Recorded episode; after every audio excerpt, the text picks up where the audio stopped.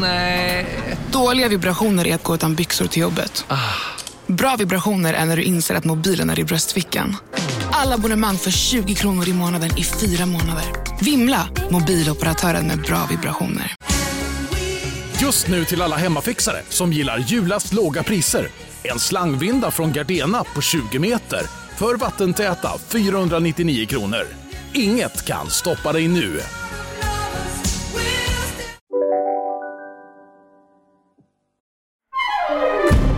Lyssnar på en podd från Perfect Day.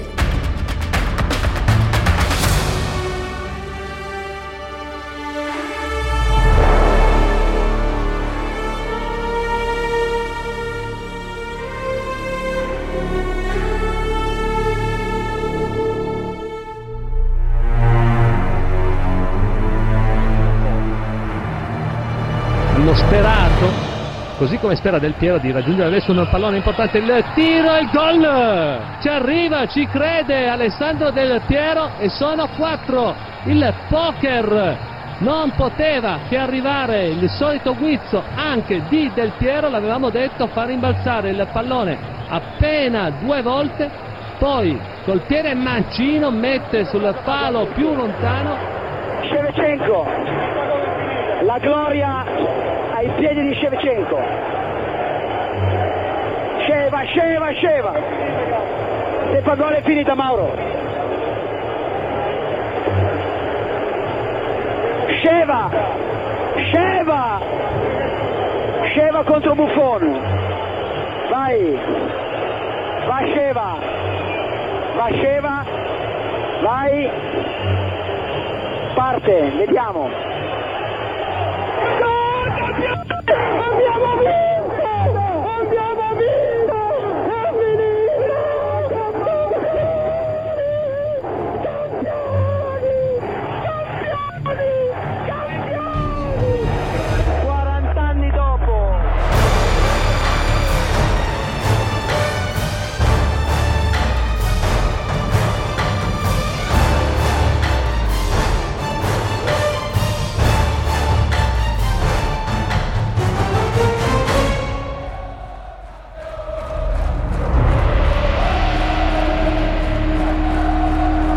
En glädjande detalj med When We're Kings är att jag får lära mig hur dum, ignorant och glömsk jag är. Makalösa spelare och lag bleknar i minnet när vi ser dagens giganter göra upp. Vad gäller spelare är detta mycket Cristiano Ronaldo och Leo Messis fel. De har i princip gjort upp om titeln världens bästa spelare under 15 år och med undantag av några få gamla spelare så har de förblindat oss i hur bra spelare det fanns förr.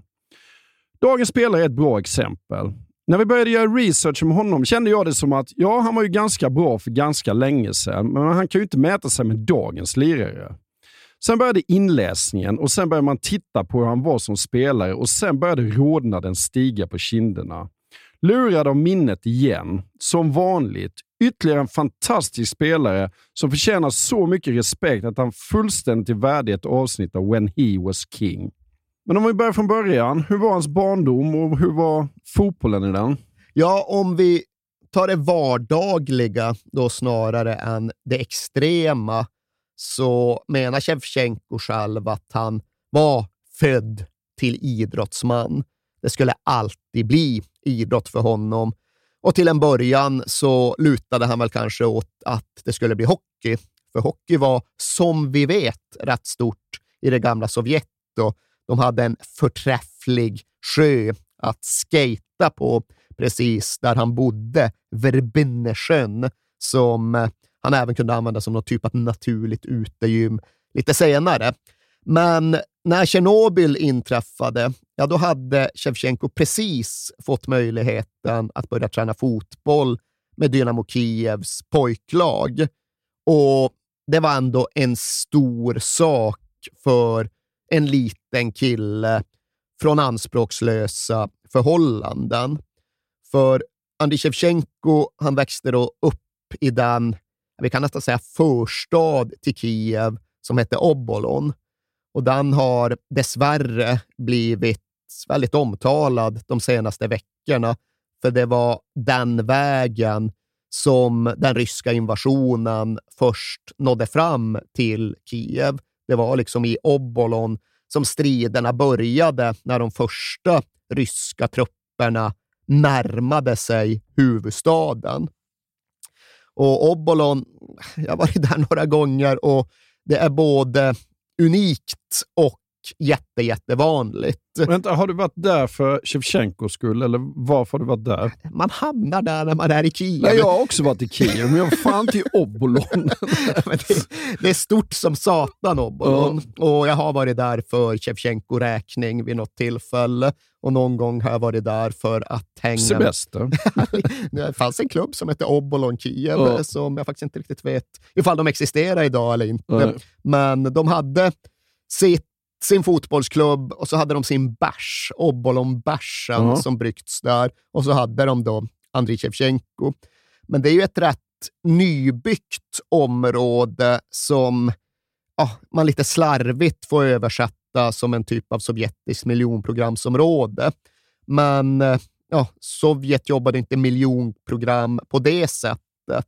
Och jag är ju tyvärr smärtsamt ointresserad av all arkitektur egentligen förutom just denna. Sovjetisk brutalism får mig ändå intresserad. Och här får ju folk ursäkta att jag inte är sakkunnig, men så som jag förstått det så har deras miljonprogramsmotsvarighet uppförts i tre olika faser efter andra världskriget. Och först var det ju då Chrusjovka-byggnaderna som smälldes upp och för de som har varit en del i det gamla Sovjet så är det ja, men de lite äldre hyreshusen som oftast bara har tre eller kanske fyra våningar. Mm. Det är ganska småskaliga hyreshus. Och sen graderades det upp med Brezjnevka-komplexen. Och det är ju då kanske sju, åtta våningar, helt enkelt en storlek upp. Mm. Och sen fram på ja, 1970-1980-talet, då bland annat Obolon uppfördes, då är vi inne på Novostrojka-byggena. Och då är det som först då var hyreshus på två, tre våningar och som sen blev hyreshus på sex, sju våningar, nu uppe i ja, 16, 17, ja. 18 våningar.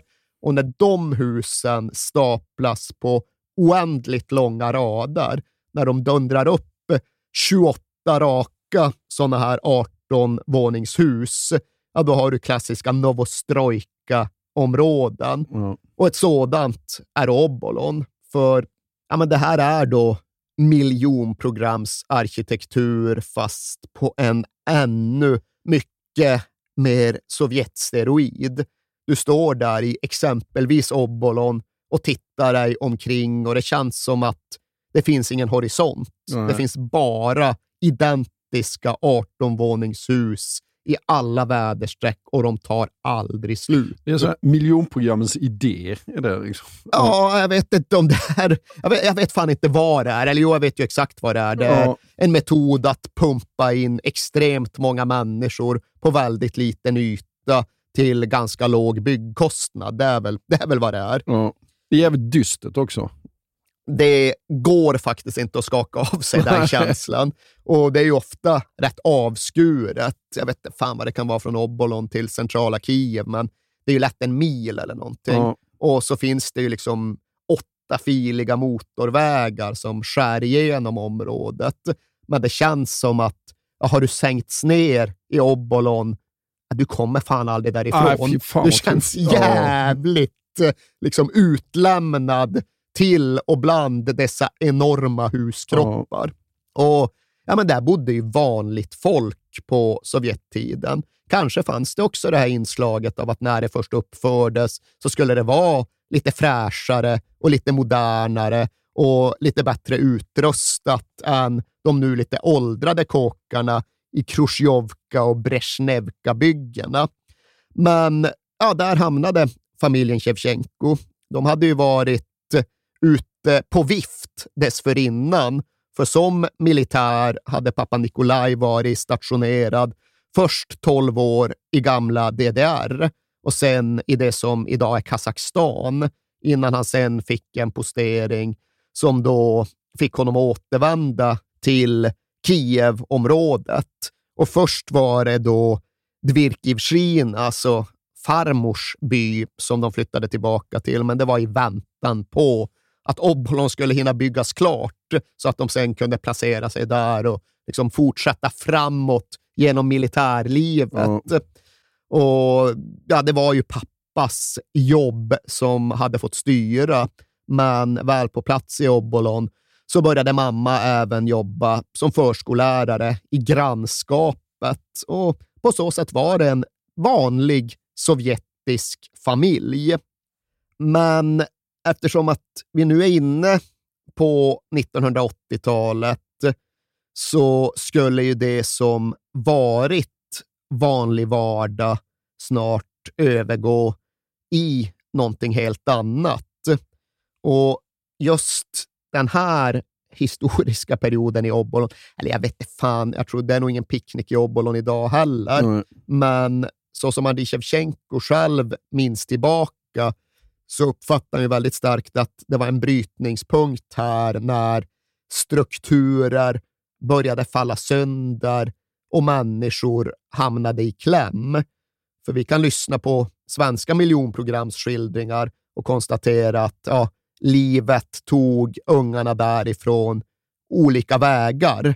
Det kan vara någon jordbrosvit av Stefan Jarl och då har det gått eh, hyfsat för vissa och bra för någon och rätt jävla dåligt för andra. Ja. Men i Andrij Shevchenkos barndomsumgänge från Obolon så är det tydligen bara en ytterligare person förutom honom som alltjämt är i livet. Ja, fan, Alla andra ska ha dött. Oh. Och de ska ju då ha gått ner sig i alkoholmissbruk, i drogmissbruk och i det gangsterliv som präglade Obolon på andra sidan Sovjetunionens oh. sönderfall. Och han skildrar hur ja, men alla hans grabbar började välja fel vägar vid ja, 12-13 års åldern ungefär. Och det är ju då precis när 80-talet övergår i 90-tal. Och du gick inte igenom en barndom, en ungdom i Obbolon utan att hamna i trubbel. Nej. För trubbel sökte upp dig, även om du inte var ute efter bråk. Och det hände vid mer än ett tillfälle att Shevchenko kom hem sönderslagen. Och det var inte då att han hade några blåmärken, utan det var ju knäckta näsor och igenmurade ansikten och misshandelsskador som var så svåra att han inte kunde gå ut på en vecka eller mer. Mm. Men därefter så hänvisar han själv tillbaks till en karaktär som innebar att han citat var bra på att inte göra misstag, på att inte ta stora felsteg. För han vittnade ju för sig om att även han var lite slarvig och lite odisciplinerad. Och det tror jag i och för sig att man då ska sätta i en sovjetisk kontext och i en Dynamo Kiev-kontext. För hans slarvande och hans brist på disciplin, ja, det tycks kretsa kring att han ibland kom en kvart sent ja. till en träning inne i centrala Kiev och han själv hade behövt liksom ta de här satellitbussarna för att överhuvudtaget kunna dyka upp. Så jämfört med våra mått mätt hade han nog rätt bra koll på grejerna. Men utifrån rådande sovjetiska Dynamo Kiev-standards så var han ändå någon sorts gränsfall. Hur ska vi egentligen göra med den här förortsungen från Novostrojka-kåkarna i Obolon som inte riktigt kommer när vi väntar oss att han ska komma. Ska han få två chanser till eller en chans till eller ingen chans till överhuvudtaget? Och där fanns det någon ungdomstränare som heter Spakov som lyckades förklara allvaret för en 13-14-årig Andrij Shevchenko att nu måste du komma i tid och ha rätt utrustning för chanserna blir inte fler. Var han en supertalang då? Nej, inte en super. Han var uppenbart begåvad. Ja. Men Dynamo Kiev hade många unga grabbar. Det var ingen liten Maradona? Nej, liksom. nej, nej, Inte alls. Inte överhuvudtaget egentligen. Men han hade ju ett målsinne och han hade egenskaper som stack ut. Men det fanns fem killar som bedömdes som lika talangfulla i hans årskurs. Så det var inte så att han skulle få en frisedel för att han var helt extraordinärt Nej. begåvad, utan lyssna nu, du 14-åriga Andrij Shevchenko, säger denna Shbakov. Nu är du på sista chansen och nu får du helt enkelt se till att göra som vi säger åt dig ner till minsta detalj. Och återigen, utifrån uppfattat verkar det inte som att Andrij Shevchenko är ute på så värst mycket vingel.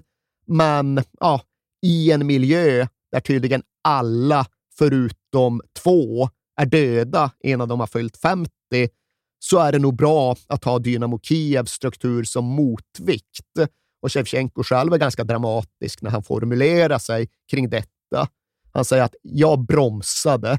Jag tryckte ner bromspedalen mot golvet och lyckades därmed få stopp en tum från avgrunden.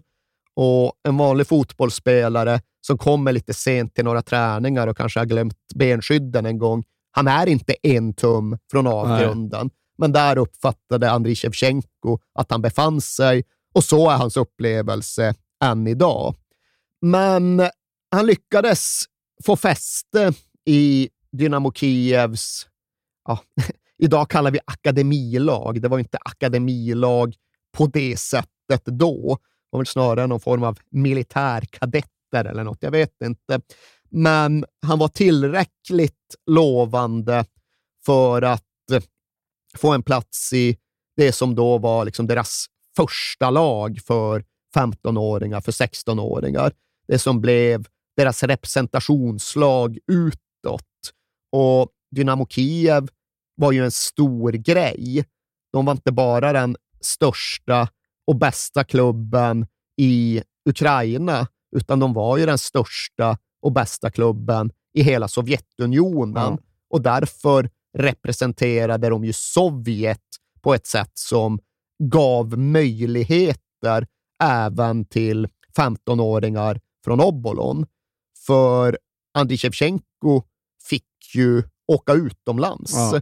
redan ja, i skarven upp mot tonåren så var han på sin första utlandsturnering. Och det är ju ett privilegium som var så stort att det är svårt att begripa för oss i efterhand. De 92 procent av alla invånare i dåtid Sovjetunionen kom ju aldrig utomlands Nej. under ett helt liv. Men Andrij Shevchenko fick då möjligheten redan när han var 12. Och då var det inte frågan om att åka till gamla Tjeckoslovakien eller dåtidens Polen, utan då var det just en form av glamourresa ner till Italien. Och det är klart att det inte var utan strapatser. Först skulle de från Kiev till Moskva och var tvungna att vara kvar där tills eh, internvisumet kunde bytas ut mot utresevisum. Men till sist så kom de ändå iväg och kom ner till Rom. Och den här typen av upplevelse är ju ofta återberättad av folk som växte upp i det gamla Sovjet. Hur det kändes att faktiskt komma till väst. Hur det bokstavligt talat var som att gå in i en film eller att sänkas ner på en annan planet eller ja, vilken bild ni nu vill använda er av. Jo, men sen komma till Rom också. Ja, alltså, ja, ja. Från Obolon till Rom, det, går- det går liksom inte att bli större kontrast. Liksom. Nej, okej, det finns eh, en massa dammig gammal arkitektur där också, men av lite annan karaktär. Och han liksom ska ha flackat runt med sina lagkompisar från liksom Colosseum till spanska trappan och liksom gjort sevärdheterna. Och visst, det var ju kul, men det var ju konsumtionen Ja. som faktiskt fastnade. Valmöjligheterna. Dricka Coca-Cola, Ja. dricka Fanta, förses med Diadora-kläder av arrangörerna och dessutom premieras på ett explicit sätt för sin prestation. För Andrij Shevchenko, men han blev väl utsedd till bästa spelare i olika sovjetiska turneringar också. Men då var det väl på sin höjd en klapp på axeln och någon form av skrivelse från någon kommendör som högtidlighöll detta. Men nu skulle han ju verkligen lyftas upp på västerländskt stjärnkultssätt. Och det innebär att ja, men han, fick, han fick ju både grejer och pengar som konsekvens av att han gjorde många mål. Uh, oj, här får han jeans från ingenstans. Ja. Och jävlar, här får han liksom travar med liresedlar. oj, oj! Ja. Och det innebar att han liksom kunde köpa med sig presenter hem till sina föräldrar. Någon Gillette-hyvel till farsan och någon parfym till morsan. Och det är klart att det där gjorde grejer med en 13, 14, 15-årig Andriy Shevchenko.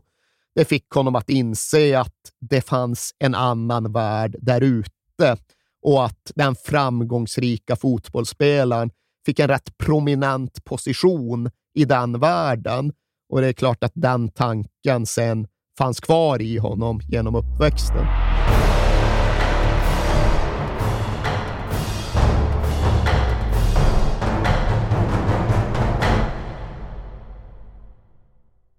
Jag vill inleda med att säga att det är garanterad jackpot på 13 miljoner på Stryktipset. Och fy fasen. Ja, visst. Skulle du behöva 13 miljoner eller? Ja, det skulle jag verkligen. Men vi måste säga först att vi är ju sponsrade av Stryktipset. Ett spel från Svenska Spel, Sport och Casino för dig över 18 år. Yes, och stödlinjen.se finns där för dig om du har problem med ditt spelande. Nej, men 13 miljoner ja. jackpot på Stryktipset, det är ju inte fel. Nej, då är det faktiskt dags att ladda en rejäl rad här känns det mm -hmm. som. Vet du vad som inte heller är fel? Nej. Födelsedagsfirandet och alla härliga mm. historier vi får in. Exakt, mm. för vi är ju mitt inne i Stryktipsets 90-årsfirande som vi firar med att läsa upp fantastiska historier från våra lyssnare yes. som skickar in dem till kings at perfectdaymedia.se. Precis, bomba på nu. Det är åtta månader kvar på det här firandet, så att, eh, vi kör nu. Mycket Stryktipshistorier vill vi ha mm. och i dagens har vi fått från Peter som skriver så här. Hej på er och tack för en helt otrolig podcast. Den har räddat mina veckor i snart fyra år. Tack så mycket Peter. Min historia är ganska färsk, men den om när det vände på stopptid gav kanske inte de största pengarna, men känslan i mig består. Jag spelar ofta för lite mindre pengar på Stryket, följer fotbollen men långt ifrån en nörd. Och allt såg väldigt bra ut senast, förutom på min etta på Manchester United mot Brentford. Mm -hmm. var, ändå väldigt, eh, var ändå väldigt nöjd med hur resten satt. Men på stopptid satte min nya favoritspelare, skotten McTominay, två mål och vändningen fullbordades. 64 rader blev 12 000 kronor. Tack för en bra podd. Det är podd. otroligt. Ja. Tack för en bra historia Peter. Ja, och som man älskar Scott McTominay. Gör man inte det? Ja, det gör man faktiskt. Han liksom kommer in i straffområdet jävligt bra faktiskt. Mm. Vi säger stort tack till våra vänner på Stryktipset. Tack.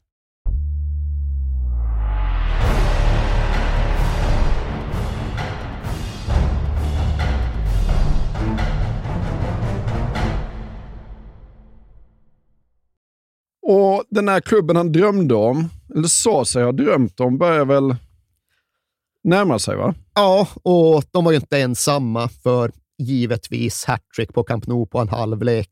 Alla hörde ju av sig. Juventus, Real Madrid, Roma, Parma, Ajax, Man United.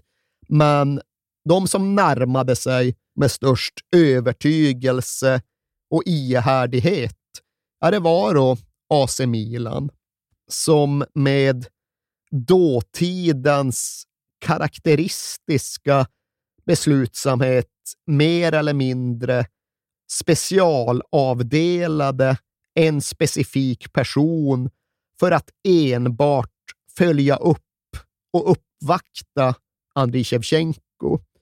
För Milan ja, då hade då till att börja med en erfaren, gammal luttrad scoutingchef som hette Italo Galbiati. Dignifierad man av den gamla skolan som tacksamt nog lämnade in sina scoutingrapporter skrivna på skrivmaskin, gammaldags skrivmaskin. Och Det innebär till exempel att den rapport han lämnade in efter det här hattricket på Camp Nou finns bevarad, ungefär som Leo Messis eh, näsduk Ja, som Ja. han skrev sitt första kontrakt på. Men ja, där har han en lyrisk utläggning om hur bra Shevchenko är och avslutningsvis går han över till att enbart använda stora bokstäver när han på pränt och hamrar fast att är da Milan. Han är en för Milan. Ja. Och när väl det är klarlagt, då får då en herre som heter Retsu Chokonelidze uppdrag att helt enkelt lösa det som behöver lösas på ett personligt plan gentemot Andriy Shevchenko. Och det är inte enkelt att göra stora affärer i 90-talets Ukraina. Det har ju typ inte gjorts tidigare av någon fotbollsklubb. Men Retso Chokonelidze hade då fördelen av att vara georgier och ryskspråkig och uppvuxen i det gamla Sovjet. Så han kunde manövrera i Kiev samtidigt som han då var utflyttad till Italien och anpassad till det milanesiska sättet att tänka och operera. Och ja, men Han la egentligen hela 1998 på att följa alla steg Andriy Shevchenko tog på att bekanta sig med honom, introducera sig själv och Milan för honom och samtidigt även då arbeta gentemot Dynamo Kievs dåvarande klubbledning. Och det är, en, det är ett omfattande åtagande och det säger mycket om just Milans kraft och eh, förmåga på 1990-talet. Att de hade klarsynen som innebar att de begrep att ja, så här måste vi göra. Vi måste ta den här brittiska, georgiska agenten och mer eller mindre frikoppla honom i ett år för att kratta för den här övergången som vi nu har bestämt att vi ska landa framför precis alla andra. Och det var en kapplöpning som bara blev mer och mer intensiv. Även om Dynamo Kiev till sist föll rätt platt i Champions League-slutspelet våren 98. För alla såg ju att det här var en outside. De kunde gå typ hur långt som helst. Men i kvarten så lottas de oturligt nog mot Juventus. Och 90-tals Juventus, de, ja, de var ju alltid i final Ja, kändes det ja. som. De var inte lätta att tas med, men lika fullt Dynamo Kiev tar ledningen nere i Turin och bärgar ett fint 1-1-kryss där. Och i returen så står det också 1-1 länge. Det är helt jämnt med typ 25 minuter kvar att spela. Men då har Juventus ett offensivt triumvirat bestående av Zinedine Zidane, Alessandro Del Piero och Pippo Inzaghi. Ja. Och ja, de dödar det här dubbelmötet. Och det är några fantastiska kombinationer där jag framför allt vill lyfta det sista 4-1 målet. Och det punkterar ju matchen snarare än avgör den. Det är väl ett lite avspänt läge, men det är fan ett av hela 1990-talsfotbollens glömda mästerverk. Och jag gissar att du inte har sett det, eller att du kanske inte har noterat Nej, det. Men eh, jag kan ju säga så här att då, det är dags att göra reklam för vår Instagram-kanal då, www.k podcast, för då ska ni få se denna Ja, ädelsten som du talar om nu. Absolut. Jag vet inte ifall du kan hitta andra kameravinklar eller om du får jobba med egna slowmo-repriser. För ifall man inte är vaken så kanske det bara fladdrar förbi. Ja. Men det som händer är att en felvänd Zinedine Zidane, typ i mittcirkeln, slår en passning som ja, men är så unik att den nästan är svår att beskriva. Alltså, på volley, halvt felvänd, drar han iväg en avsiktlig galoschspark. Alltså han slår den på volley med sin utsida på ett sätt som gör att bollen nästan går bakåt eh, med tanke på hur han står sig. Och det blir då en perfekt 35 meters genomskärare till en djupledsspringande Del Piero som dunkar dit en vänster halvvolley. Och det är ett fint avslut sådär. Ja. Men ifall man inte tittar och tänker på vad Zidane gör momentet tidigare, ja, då tror jag just att det riskerar att spolas förbi. Men det är en vansinnig passning och en typ av cirkusnummer som du kanske inte gör när det står 1-1. Eller så kanske du gör det eftersom du heter Zinedine. Zidane och det är Ja. typ ändå ingen annan som hade klarat av det där. Nej. Men både speluppfattningen, blicken och sen utförandet är det så mycket fem plus så det finns inte Ja, ens. följ oss på Instagram så ska ni få se detta. così come spera Del Piero di raggiungere adesso un pallone importante, il tiro e il gol! Ci arriva, ci crede Alessandro Del Piero e sono quattro. Il poker non poteva che arrivare il solito guizzo anche di Del Piero, l'avevamo detto, fa rimbalzare il pallone appena due volte, poi col piede mancino mette sul palo più lontano. Men trots då att Dynamo Kievs Champions League-äventyr tog slut redan i kvartsfinal och trots att hela Europa nu jagade Andriy Shevchenko så hade han ändå ett avstämningsmöte med de Surkisbröderna som styrde klubben när säsongen tog slut våren 98 och accepterade då deras önskan om att ge det ett år till.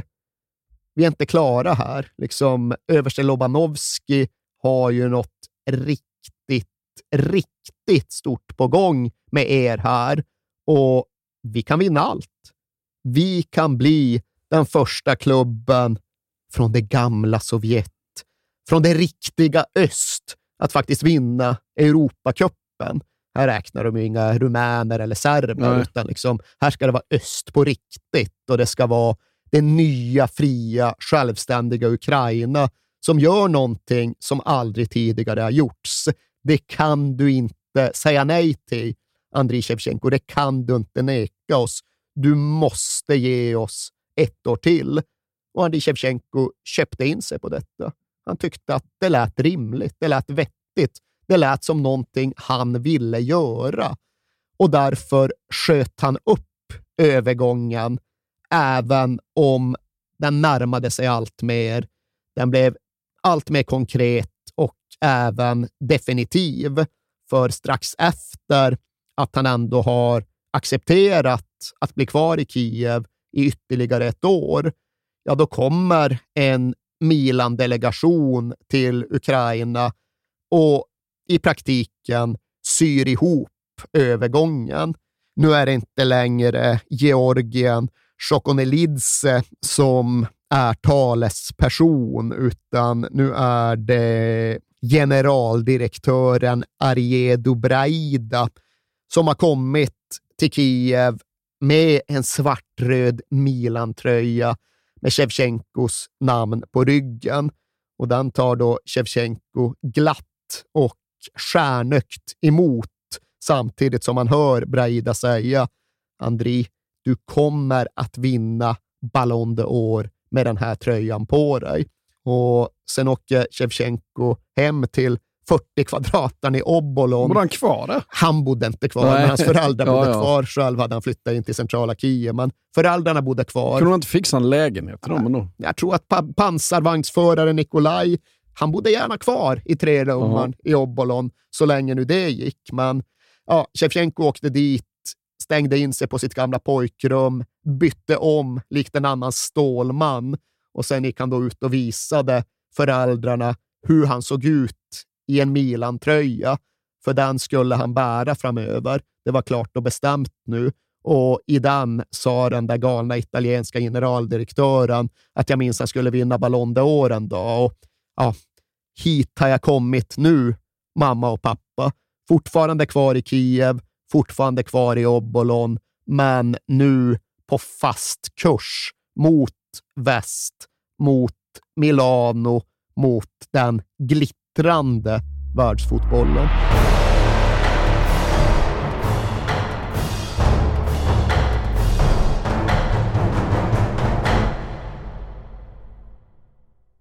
Det jag menade tidigare med att han akklimatiserade sig så väldigt bra, det var ju hur bra han var på planen direkt. Ja, och för den delen även hur han lyckades övertyga Milan-tränarna om att han skulle få träna Lobanovski hårt. Ja. För liksom försäsong Italien, upp i bergen och springa och så. Det många vittnar om att det är plågsamt som satan, men han ville ju alltid köra ett par timmar extra när laget var klart. Ja. Och Det kunde vara allt från explosivitetssprints, intervaller till avslutsträningar med Valerio Fiori.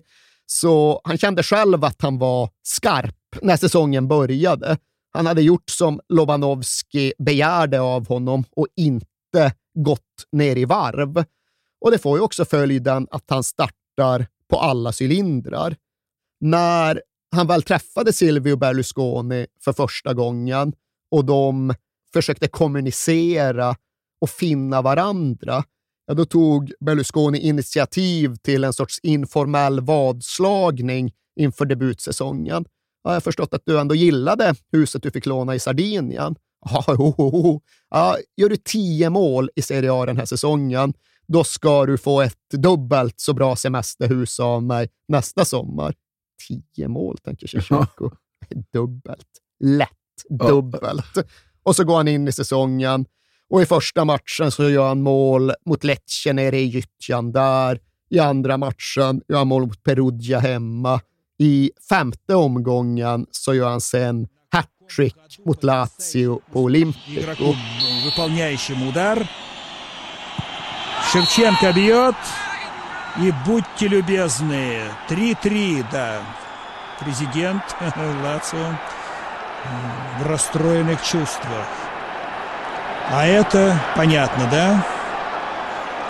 Och det är ju Svennis Scudetto Lazio, ja. så den match vi har pratat om tidigare i When We Were Kings. Så det är ju en Serie A-klassiker. 4-4 slutade ja, just det. och Shevchenko gör hattrick.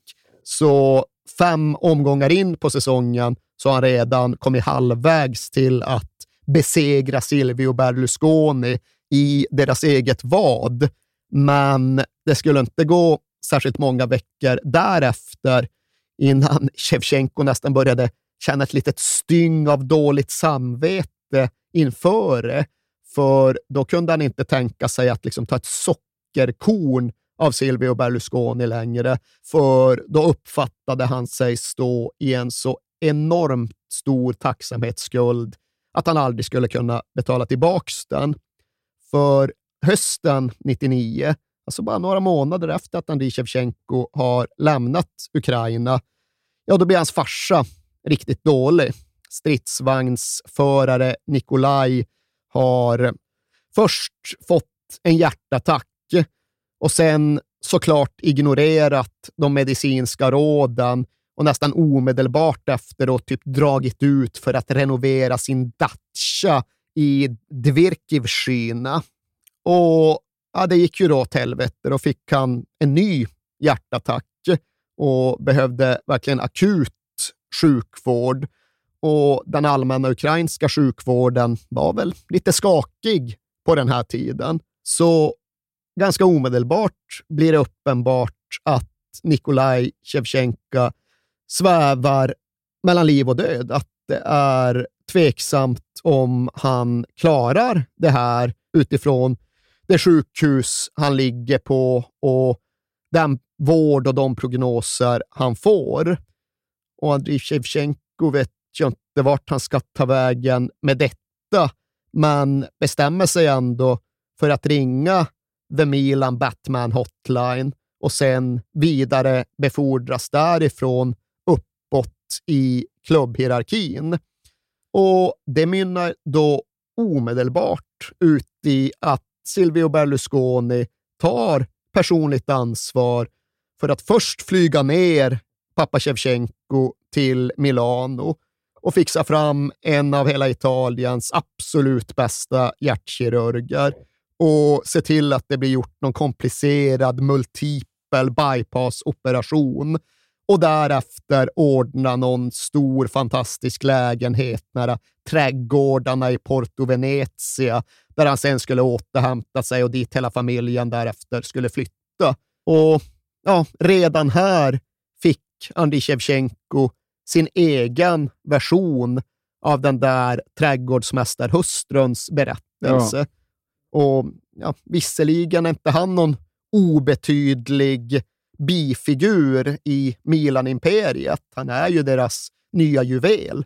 Men lika fullt, det är inte alla klubbar, alla klubbledare som vare sig har resurserna eller för den delen viljan att göra den här typen av... Verkligen inte. Det går inte att kalla för en gest. Det är liksom en typ av räddningsoperation. Ja. Och det var inte bara en klyscha att prata om liksom Milan-familjen. De lyckades verkligen bygga den känslan på riktigt. Och det var ju genom sånt här som det byggdes upp.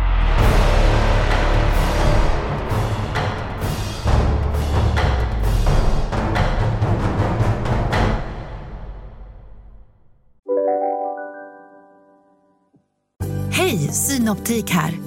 Visste du att solens UV-strålar kan vara skadliga och åldra dina ögon i förtid? Kom in till oss så hjälper vi dig att hitta rätt solglasögon som skyddar dina ögon. Välkommen till Synoptik. Just nu till alla hemmafixare som gillar Julas låga priser. Ett borr och bitset i 70 delar för snurriga 249 kronor. Inget kan stoppa dig nu.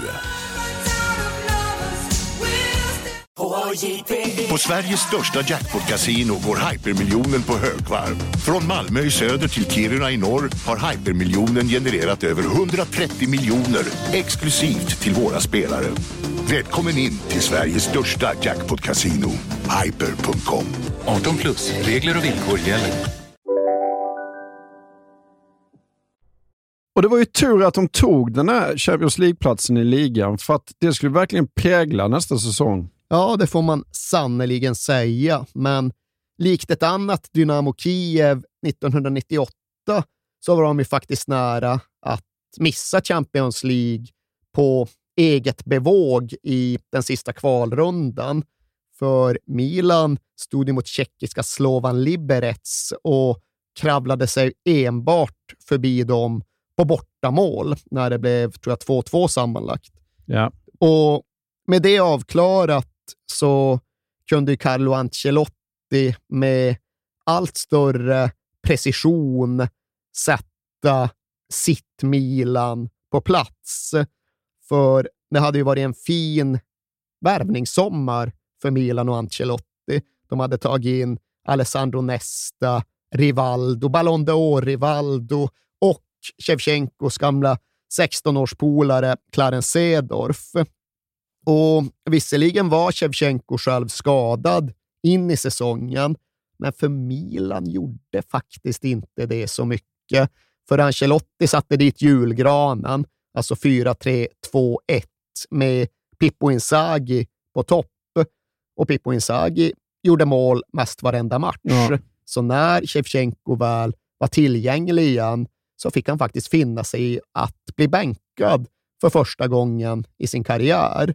Det reagerar han väl inte så där jättebra på, ärligt talat, för tålamodet var kort. Det gick bara halvannan månad innan han knackade på Carlo Ancelottis dörr för att ja, men i praktiken meddela att han nu hade bestämt sig för att lämna klubben. Och Han hade varit där tidigare och just undrat vad han skulle göra för att få starta. Och Ancelotti då mest bara hade sagt att ja, du får lov att vänta på din tur, för nu är Inzaghi mål hela tiden. Och Shevchenko tyckte att vägen var för stängd, så han ville bort. Han hade bestämt sig. Men så fick han ändå en chans i en Champions League-match mot Real Madrid. Och den avgjorde han och det räckte för att Ancelotti skulle tänka om. Hans julgran, hans 4-3-2-1, blev istället 4-3-1-2 med plats för både Inzaghi och Shevchenko. Och tur var väl det för alla berörda. Ja, ja för de tuffar ju på bra i Champions League. Ja, det gör de. Och även om nu Shevchenko ändå får spela igen så blir det ingen smällkaramell till säsong för honom. Han gör faktiskt bara fem mål i Serie A och fyra i Champions League. Men flera av dem blir ju tunga och utslagsgivande mål. Och där kan vi väl börja med kvartsfinalspelet mot Ajax, mot Zlatan Ibrahimovic unga Ajax, där Milan mycket väl hade kunnat åka ur.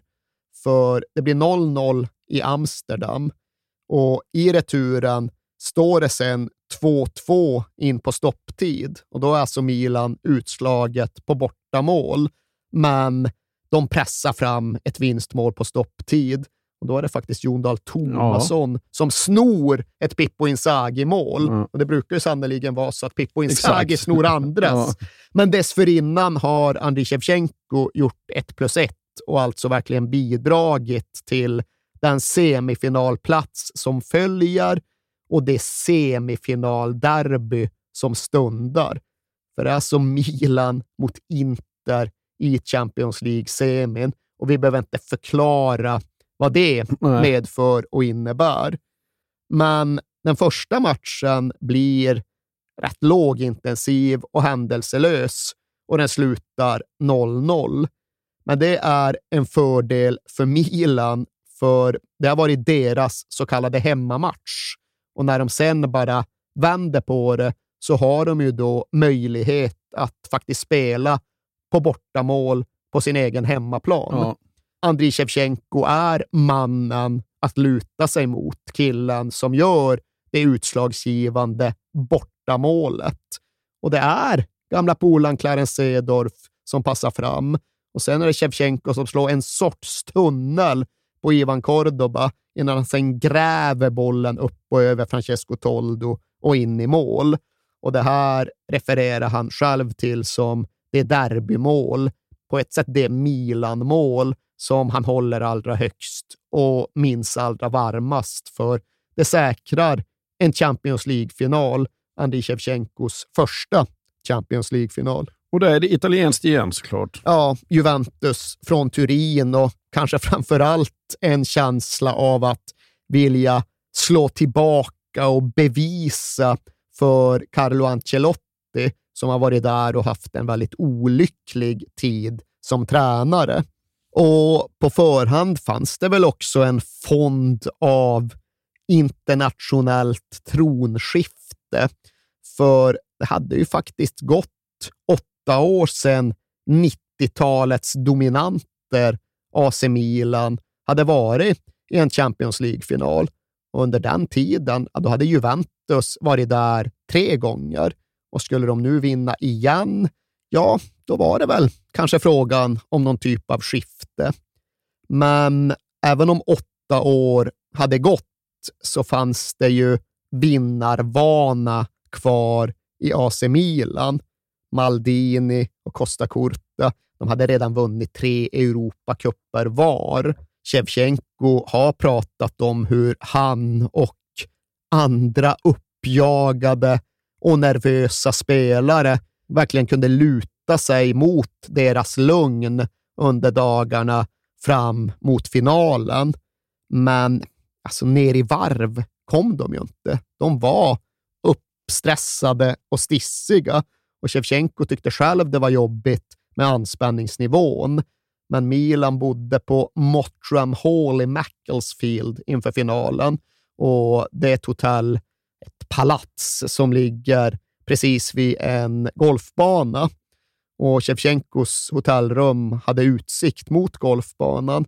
Han har berättat att några timmar innan det var dags att åka in mot Old Trafford kollade han ut över golfbanan så såg han en ensam figur springa runt på fairway och liksom rycka hit och korsa dit. Och va, aha, det är Filippo Inzaghi som ah, det är inte bara det att han håller på att köra egna V-löpningar och så, utan han spelar matchen för sig själv, utan motståndare, utan åskådare, utan boll, på det där sättet som man själv gjorde när man var fem, sex år gammal.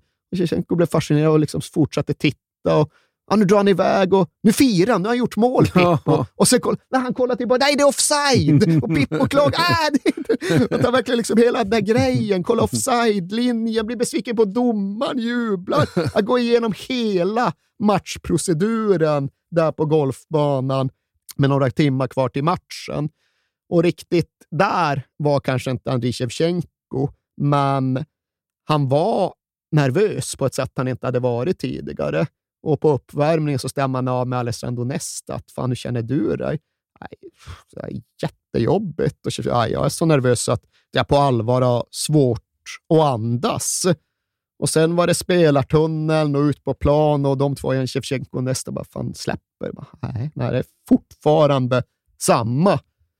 Men sen är det väl så som det beskrivs för fotbollsspelare på den här nivån, att när bollen väl börjar rulla, ja då, då glöms i alla fall allt det där bort.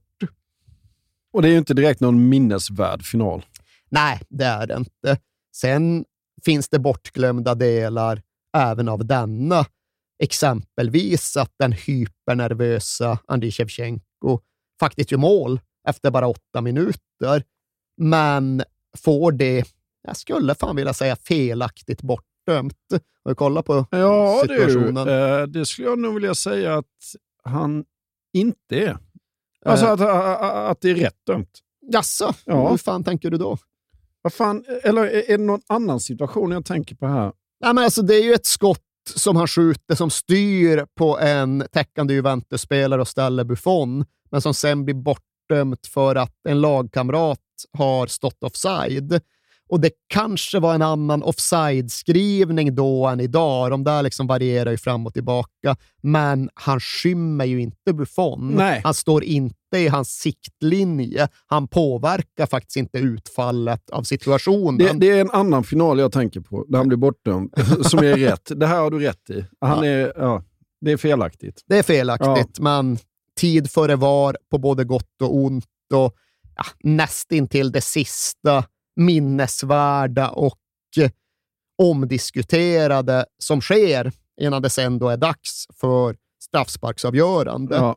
Och då går Carlo Ancelotti fram till Shevchenko och med fog säger att ja, du tar första eller andra, va? vilket föredrar du? För ja, det är ju dokumenterat eh, och vetenskapligt belagt att du ska ju ha dina bästa skyttar först. Du ska ha pinnar på tavlan så tidigt som möjligt. Men Shevchenko utgår ifrån ja, men gammal fotbollsvidskeplighet när han säger att nej, nej, nej, jag ska ta sista. För ja, så hette det ju förr, att man ska ha de bästa spelarna sist, för det är då de behövs som bäst. Ofta, ofta får de inte slå då för att det redan är avgjort. Ja. Men tydligen så är hans mandat så pass starkt att han får igenom detta gentemot Ancelotti. För han blir uppskriven som femte och sista straffskytt. Och straffsparksläggningen som sker är väl någonstans i linje med matchen som spelats. För kvaliteten är ju bedrövlig på straffarna. Och jag har verkligen liksom gått från en tanke till en teori om att elitspelare numera helt enkelt är bättre på straffar än vad de var för 20 år sedan. Ja, För då var det lite i, ja. regel att du fick se 3-1 i en straffsparksläggning. Idag så är det mer regel med ligacupfinalen mellan Liverpool och Chelsea eller Europa League-finalen mellan Villarreal och Man United. Att liksom de dunkar in 11 i rad. Men vet du vad jag tror det också? Vad? Att de har hårdare koll på målvakterna. Det tror jag också du har helt Verk- rätt i, vilket inte minst illustreras av den här finalen. För visst, det är dåliga straffar och det är bra målvakter. Gianluigi Buffon i ena buren och Dida i Ja. den andra. Men det finns ju också exempel och då tänker jag väl framför allt på, jag tror det är Juventus fjärde, som Paolo Montero bränner, då Dida är ja, men goda två och en halv meter Ja. ut från mållinjen när straffen slås. Och det är inte riktigt Brian Scurry för USAs damer i. VM-finalen Ja. 99, som ju förblir det absolut grövsta exemplet som Det är helt fantastiskt. ja, både har sett och pratat om här i podden. Men alltså, det är ju odiskutabelt regelvidrigt. Ja. Och där får man ju ändå säga att just den delen av VAR har gjort fotbollen lite bättre. Ja. För det förvrider ju inte oddsen på något problematiskt sätt.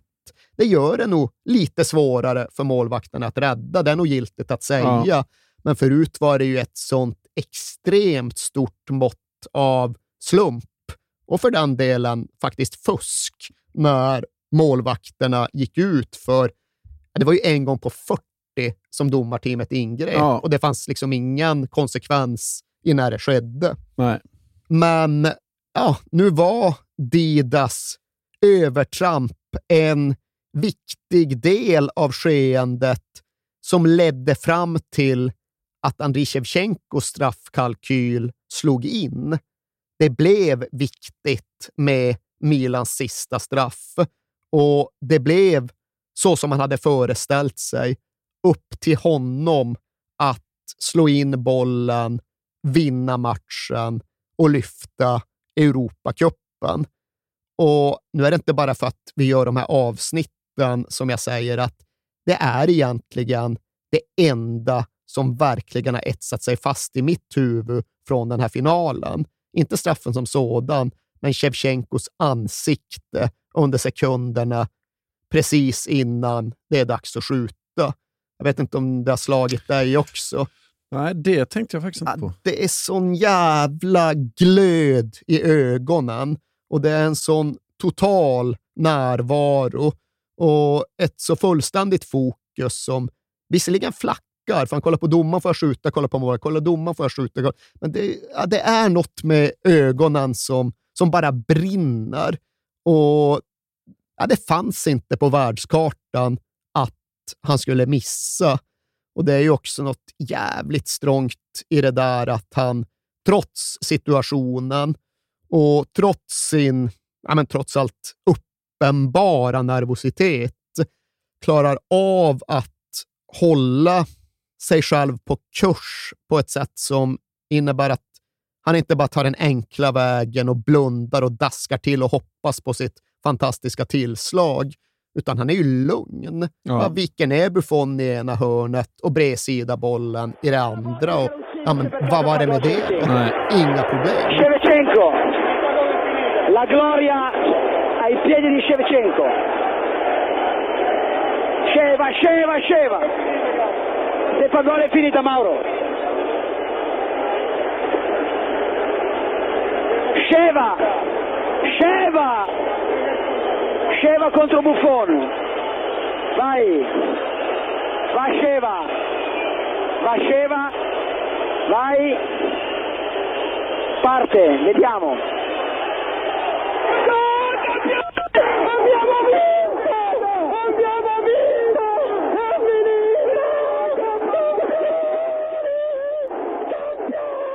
Där var nätet, där var bollen, där var AC Milan Europamästare igen. Och Shevchenko får tag på en ukrainsk flagga att bära runt på under ärevarvet. Men väl tillbaka i omklädningsrummet så kollapsar han han ja, det är inte så att han svimmar av eller är medvetslös, men hans krafter är bara slut. Han ligger i ett hörn av omklädningsrummet insvept i en handduk, men han orkar inte duscha. Han, han har inte kraft för att duscha. Han bara ligger i 20-30 minuter för att han, han mäktar inte med något annat. Det är tomt. Och Sen är ju för sig natten lång och till sist återvänder spelarna till Mottram Hall och golfbanan. Och nu är det inte Pippo Inzaghi ensam där ute, utan nu är det mest hela laget och spontanmatch. Och nu har plötsligt Shevchenko en jävla kraft igen. Ja. Men sen är det tillbaka till Italien och tre dagar senare är det final i Coppa Italia mot Roma. Och där menar han att det finns inte en chans att han orkar spela. Han har inte energi för att genomföra en match. Så han står över Coppa Italia-finalen, som också Milan ser till att spela hem. Ja. Och vad följer efter detta då? Ja, alltså en sorts inofficiellt löfte har ändå infriats och ska beseglas. För egentligen det första Shevchenko gör när säsongen är slut, det enda han tänker på, det är att få Adriano Gallianis välsignelse att likt ett annat NHL-proffs ta med sig Champions League-bucklan till Kiev. Det. Och det får han lov att göra. Och Det innebär att han nästan på dagen ett år efter att Valerij Lobanovskij begravdes återvänder till Kiev och Dynamos arena och den staty som numera finns uppförd över Lobanovskij.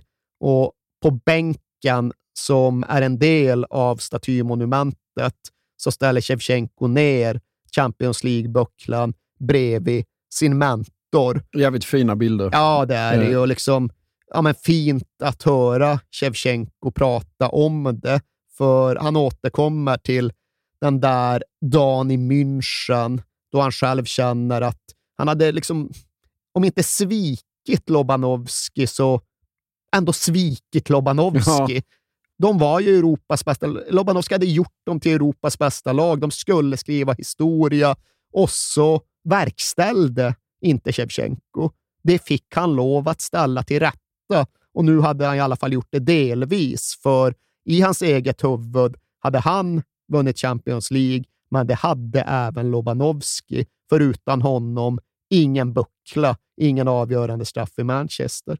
Ja, och tillbaka till Milano. Ja, där är det sommar och sol och sus och dus såklart. Och Andrei Shevchenko mådde gott.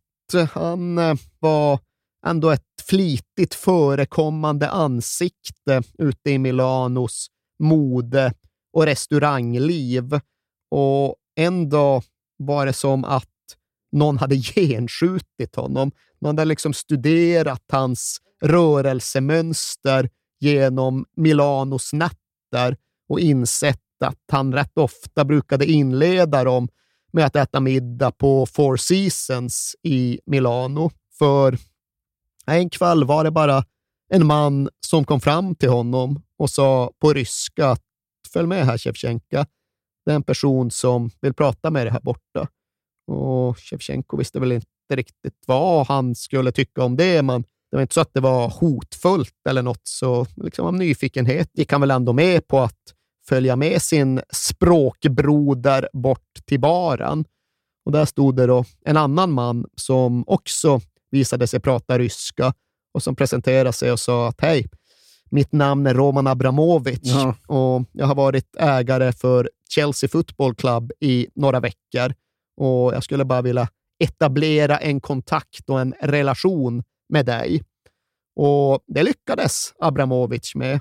Han och Shevchenko tyckte omedelbart om varandra. Det blev liksom någon sorts möte som påminde om de första tillfällena då han pratade med Silvio Berlusconi. Och, ja, de bytte telefonnummer, Shevchenko och Abramovic, och de höll kontakten, höll på att smsa varandra. Och det dröjde inte länge innan Shevchenko började dyka upp på bilder från Roman Abramovic, olika yachter i Medelhavet.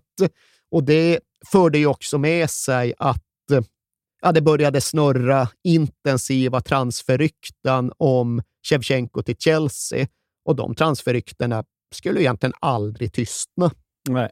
Men han stannar i Milan ett tag till och nästa säsong fortsätter ju framgångarna. Ja, för både spelare och klubb. För nu har Milan fått in en ung kille från Brasilien som visar sig ha ett jävla driv och en satans smartness i spelet. Och det är ju Kaká som förstärker Europamästarna. Och de ska inte lyckas försvara sin Champions League-titel eftersom att de faller på ett rätt svårbegripligt sätt uppe i A Coruña. Men de får istället möjlighet att koncentrera sig på en titelstrid. Den egentligen första riktiga scudetto-utmaningen som Milan gör sedan Shevchenko kom till klubben. Och den här gången är huvudutmanaren Fabio Capello och hans Roma. Och runt halvvägsmarkeringen in på det nya året är det Roma som har ett litet grepp.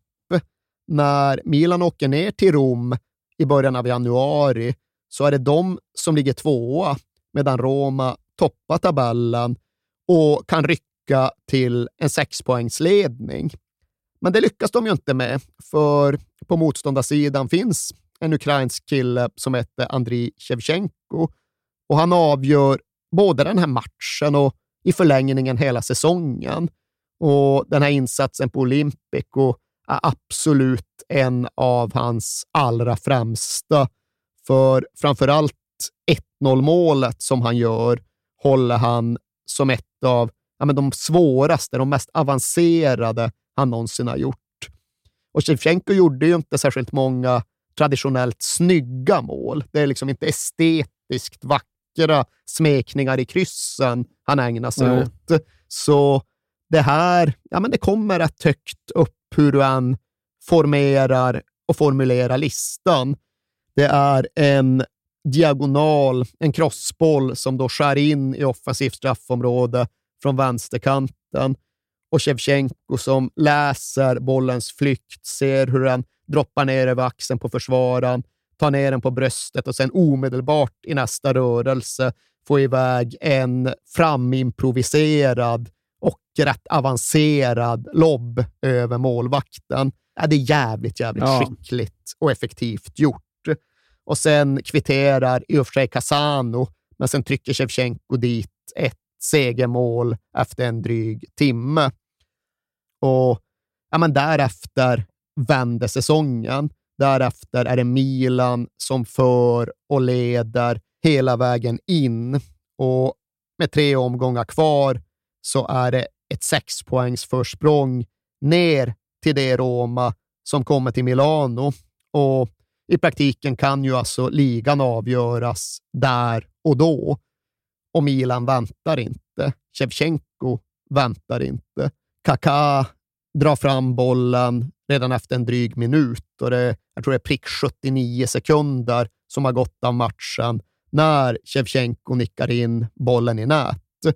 Och det stänger scudetto-striden, det stänger säsongen. Det ger Milan en ligatitel och för den delen Shevchenko en ny skytteligaseger. Det är 24 mål igen. Ja. Det, är liksom, det är alltid 24 mål när han får en hel och ren ligasäsong. Ja. Och ja, fanns det några tvivlare kvar så hade de i alla fall inga argument. På ett drygt år hade Shevchenko vunnit Champions League efter att själv ha avgjort finalen. Och han hade vunnit Serie A efter att ha avgjort seriefinalen två gånger om. Och själv hade han då alltså även plockat hem skytteliga titeln. Så vad fanns egentligen kvar att vinna?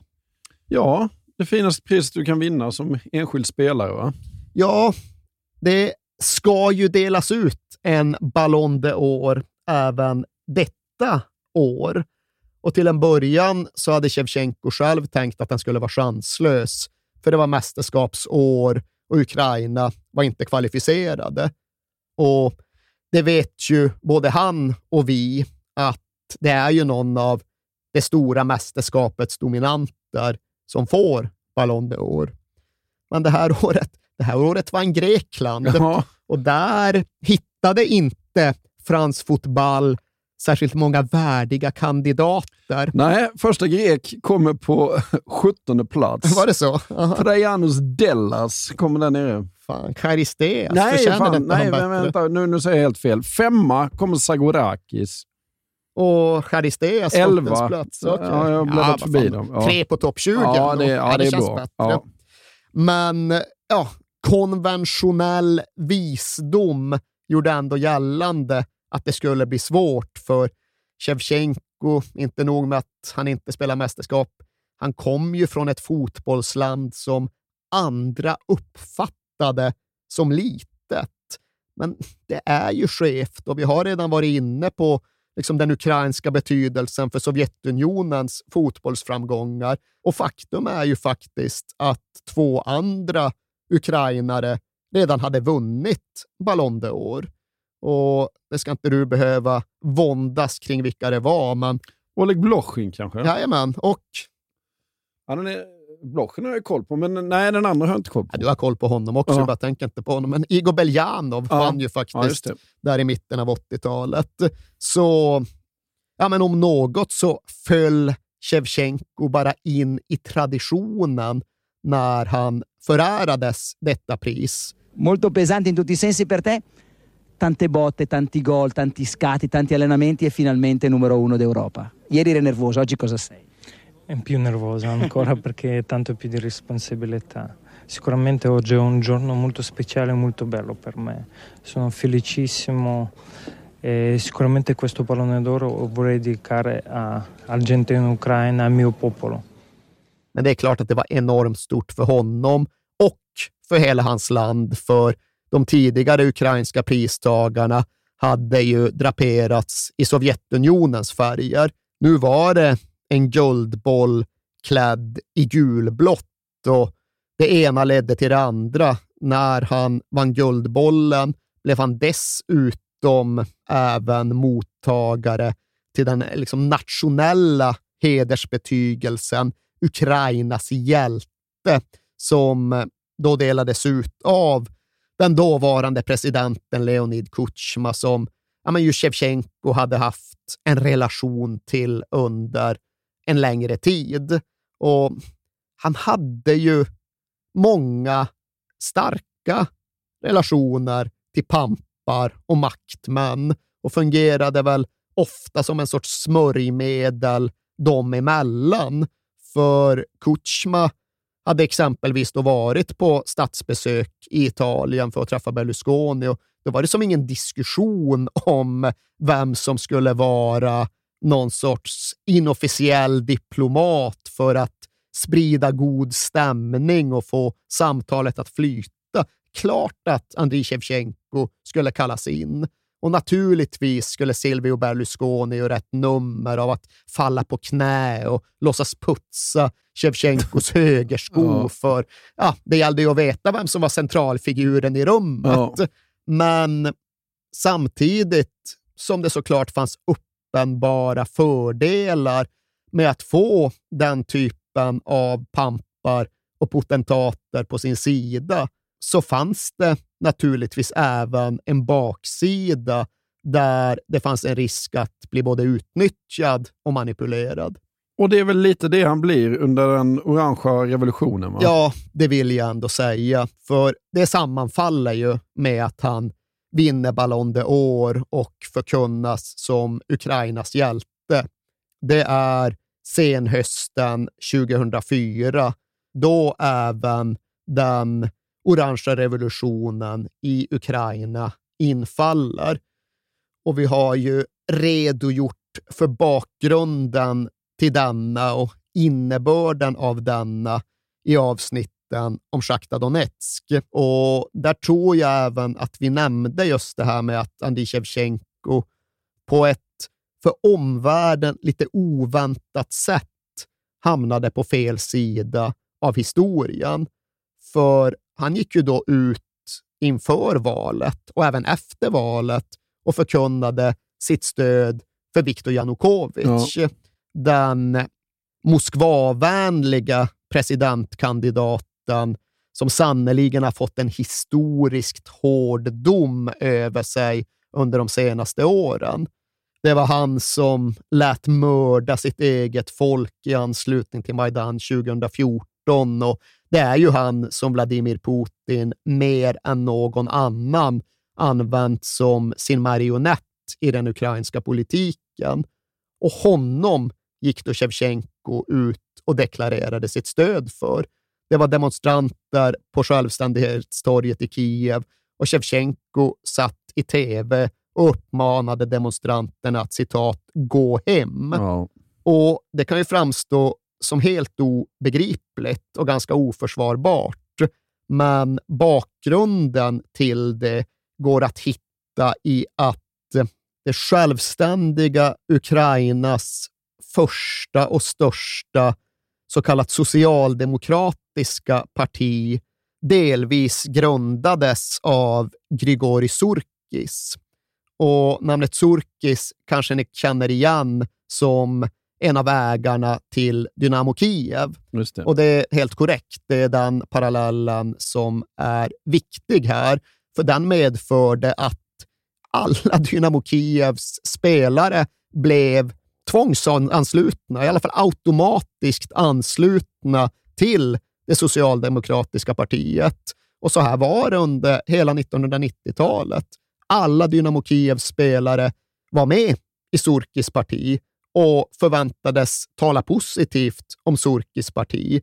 Och i samband med valet 2004 så hade då detta socialdemokratiska parti i sin tur förkunnat sitt stöd till Janukovics kandidatur. Och visst sjutton har man här rätt att tycka att även en fotbollsspelare har någon typ av politiskt egenansvar och man kan med rätta hävda att det minsta Shevchenko hade kunnat göra, ja, det var väl att i alla fall hålla käften och inte ge sig in. Men det ska även betonas att han inte var ensam, utan, jag ska inte säga hela den ukrainska fotbollsrörelsen, för då var det fel, men hela elitskiktet av Ukrainas fotbollsutövare slöt mer eller mindre mangrant upp bakom den här partipiskan.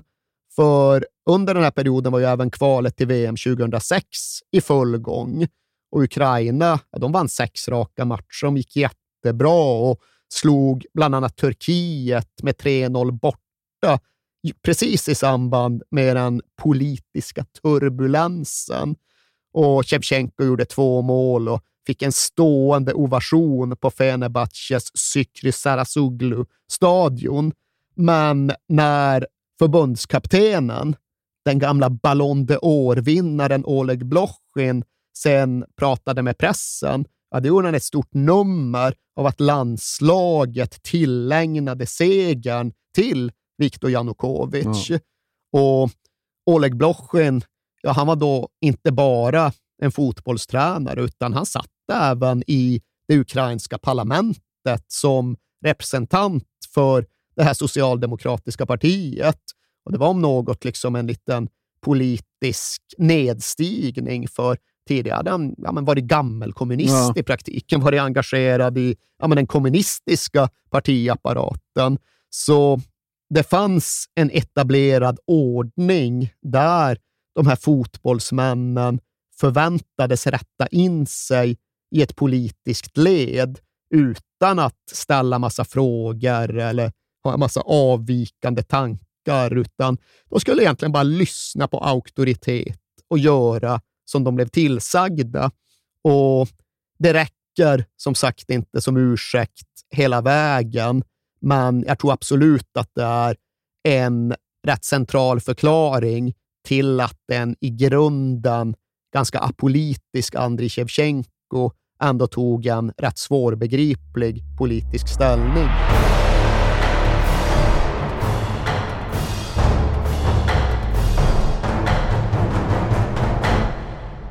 Tillbaka till fotbollen, Erik.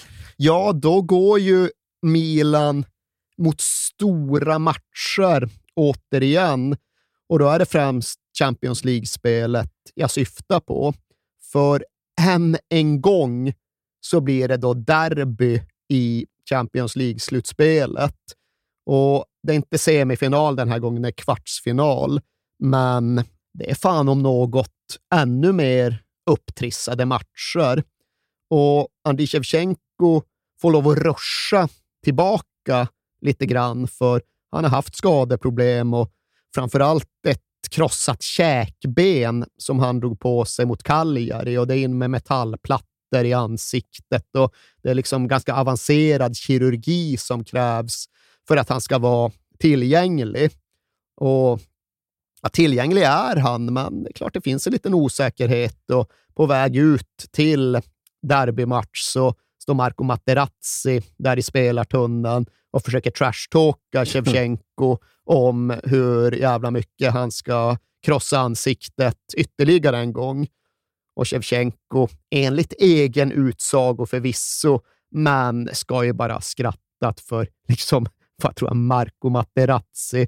Vad tror han att jag stod emot i Obolon i tonåren? Och vad tror han att han är i jämförelse med det?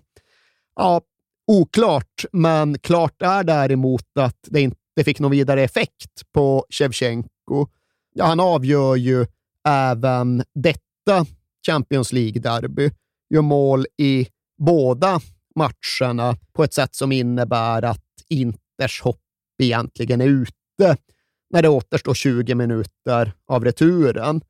Men då får de ju ändå in en reduceringsboll och kanske, kanske, kanske ändå, men nej, det blev ju inget mål för domaren dömer bort det efter en rätt svår upptäckt och synnerligen obetydlig foul på Dida.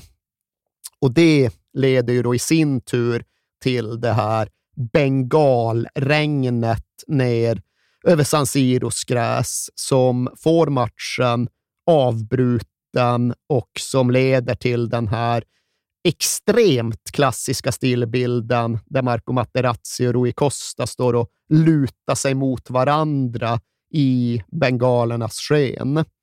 Men ja, även om det gjordes ett kort försök att återuppta matchen så kunde den ju aldrig slutföras. Den blev aldrig färdigspelad och det är rätt svårt att ta in så här att fan, en Champions League-kvart spelades aldrig klart Nej. överhuvudtaget.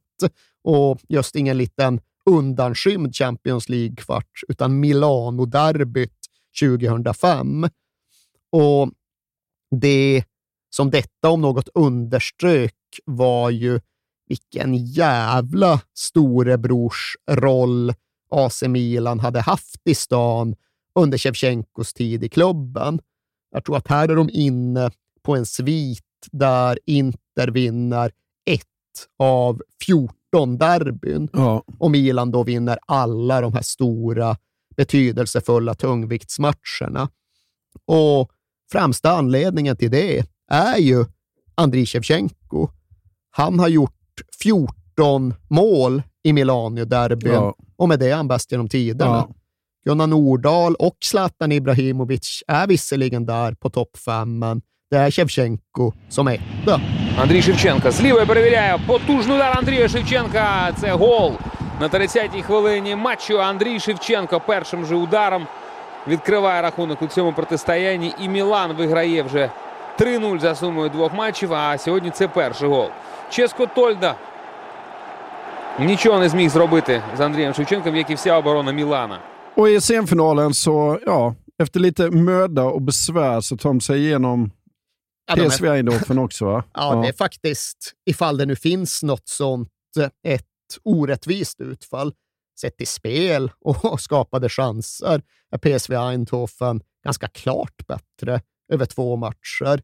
Men Ambrosini, killen med den ryska ordboken från spelarhotellet Shevchenkos första sommar, han ser till att göra det avgörande bortamålet i 90 minuten uppe i Eindhoven och kvalificera Milan till ytterligare en final. Och till skillnad från 2003 så blir den här matchen rätt minnesvärd. Ja, är det den mest minnesvärda? Ja, det är det ju.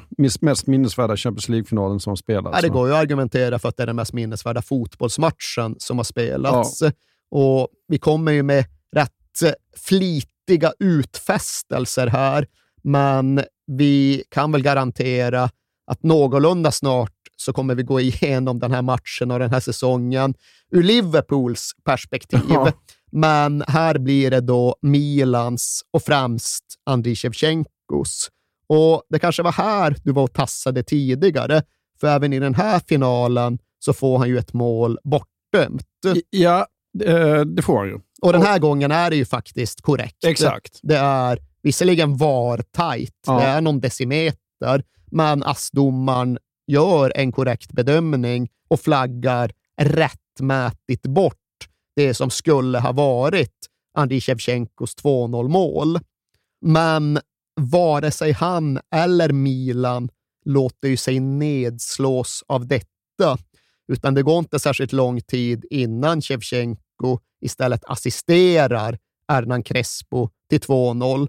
Och sen vet ni ju att det även rullar in en 3-0-boll innan den första halvleken är färdigspelad. Men sen följer då upphämtningen, ja. passagen då Andriy Shevchenko beskriver det som att Liverpool satte eld på vår själ och följer upp det genom att säga månen släcktes på sex minuter. Ja.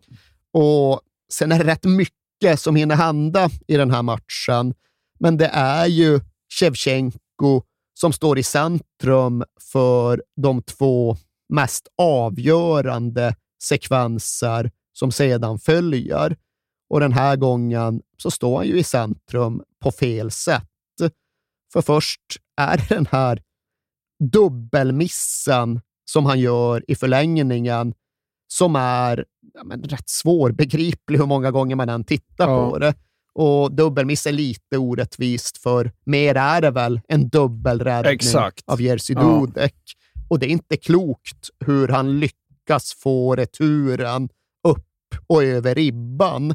Men Shevchenko säger att han faktiskt drabbades av exakt samma situation på träning några dagar före finalen. Då var det Abiati som hade gjort precis samma typ av otroliga dubbelräddning och han tror själv att det någonstans fanns i bakhuvudet på ett sätt som gjorde att han snarare än att se till att placera bollen en halv meter åt sidan bara försökte dundra dit den på kraft och att det då bara medförde att han träffade Dodeks handled och att bollen därför gick över. Och grejen är då att det här känns som kanske en teori som Shevchenko har utformat i efterhand. Och det är en konsekvens av att han, ja, enligt egen utsago, har sett den där dubbelchansen tusen gånger och har sett matchen i sin helhet hundra gånger. För alla hade ju sitt sätt att processa det som hände. Och Shevchenko behövde ju även ta in att han den här gången missade den sista och avgörande straffen. Men där andra Milan-spelare försökte låtsas som att det aldrig hade hänt och bara försökte gå framåt och vidare, så var Shevchenkos metod att sätta sig framför videon och älta, eller om ni så vill bearbeta, eller för den delen ja, förstå vad som gått fel för att därefter kunna rätta till Så det. masochistisk terapi då? Ja, på något jävla sätt. Och han blev kvar i den där finalen i det som ändå måste ha varit alldeles för lång tid. Det kan inte ha varit rätt metodik för, ja, han pratade om hur det var som att sparka snöboll i uppförsbacke. Han sparkar och sen kommer det bara tillbaks med Ja. ännu mer snö. Och tre månader ska Istanbul ha citat hållit honom gisslan Oj. på ett sätt som innebär att han liksom vaknade upp på natten och skrek. och det låter ju inte som rätt sätt att bearbeta Nej, och inte. processa detta idrottstrauma. Det är klart att vi andra kan i efterhand säga att enda möjliga sättet att komma över det, ja, det var väl att se till att gå till en ny Champions League-final och där möta Liverpool igen och där se till att vinna. Och det gjorde ju Milan, men det gjorde inte Andriy Shevchenko. För även om han var bra jävla nära att kämpa sig fram till en Champions League-säsong redan efterföljande år, så blir han ja, men fan faktiskt bortfuskad Skandalöst bortdömd. Ja. Ja. det är inte klokt. Nej. Och för er som inte vet vad vi pratar om, så refererar vi då till det nickmål han gör i semifinalen mot Barcelona på Camp Nou. Det som då skulle ha inneburit ett bortamål och en helt utjämnad ställning. Men som då Marcus Märk och hans domarteam blåser bort för att de får för sig att han har faulat Carles Puyol i nickduellen. Men det syns väldigt tydligt på alla repriser att han rör inte Nej. Puyol. Puyol halkar. Ja. Och det är på så ja, Det är skandalöst. Ja, det är skandalöst. Ja. Det är såklart ett argument för VAR och så vidare. och så vidare. Det finns andra argument mot VAR, men det är klart att det är ett jävla surt piller att tugga i sig och svälja.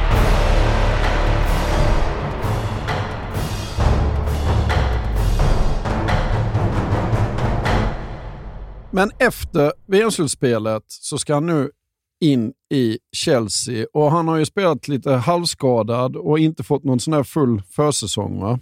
Nej, exakt så har det varit och just det blir även väldigt kostsamt för nej, medicinskt sett borde han inte ha spelat VM. Ja, vad var det Valerij Lobanovski brukade tjata om? Att man får skörda det man har sått. Ja, nu får Shevchenko skörda även de planter han rationellt sett kanske aldrig skulle ha satt i jorden. För knäproblemen förföljer honom genom ja, inte bara hela hans första tid i Chelsea, utan egentligen återstoden av hans karriär. Det läker aldrig riktigt ihop och det blir följdskador och det är explosivitet som försvinner och det är en kropp som får honom att känna efter för mycket och som får honom att börja tänka och börja tvivla. Och det blir ett kroniskt tillstånd av tröttkördhet och allt detta påbörjas ja, men egentligen just precis här. Och Det är klart att det finns något oturligt i den tajmingen. Precis när han just nu har tagit det stora klivet och ska visa upp sig själv på en ny fotbollsscen och ska infria förtroendet och förväntningarna från Roman Abramovic, ja, då finns det liksom inget kräm kvar när han trycker på gaspedalen. Och han får José Mourinhos ja, men nästan lite pålagda, påtvingade förtroende att starta Premier League-säsongen. Det är ju här någonstans det börjar knaka lite mellan Mourinho och Abramovic. Och även om det aldrig har bekräftats så har det ju funnits en uttrycklig vilja att få det att funka för Shevchenko. Ja.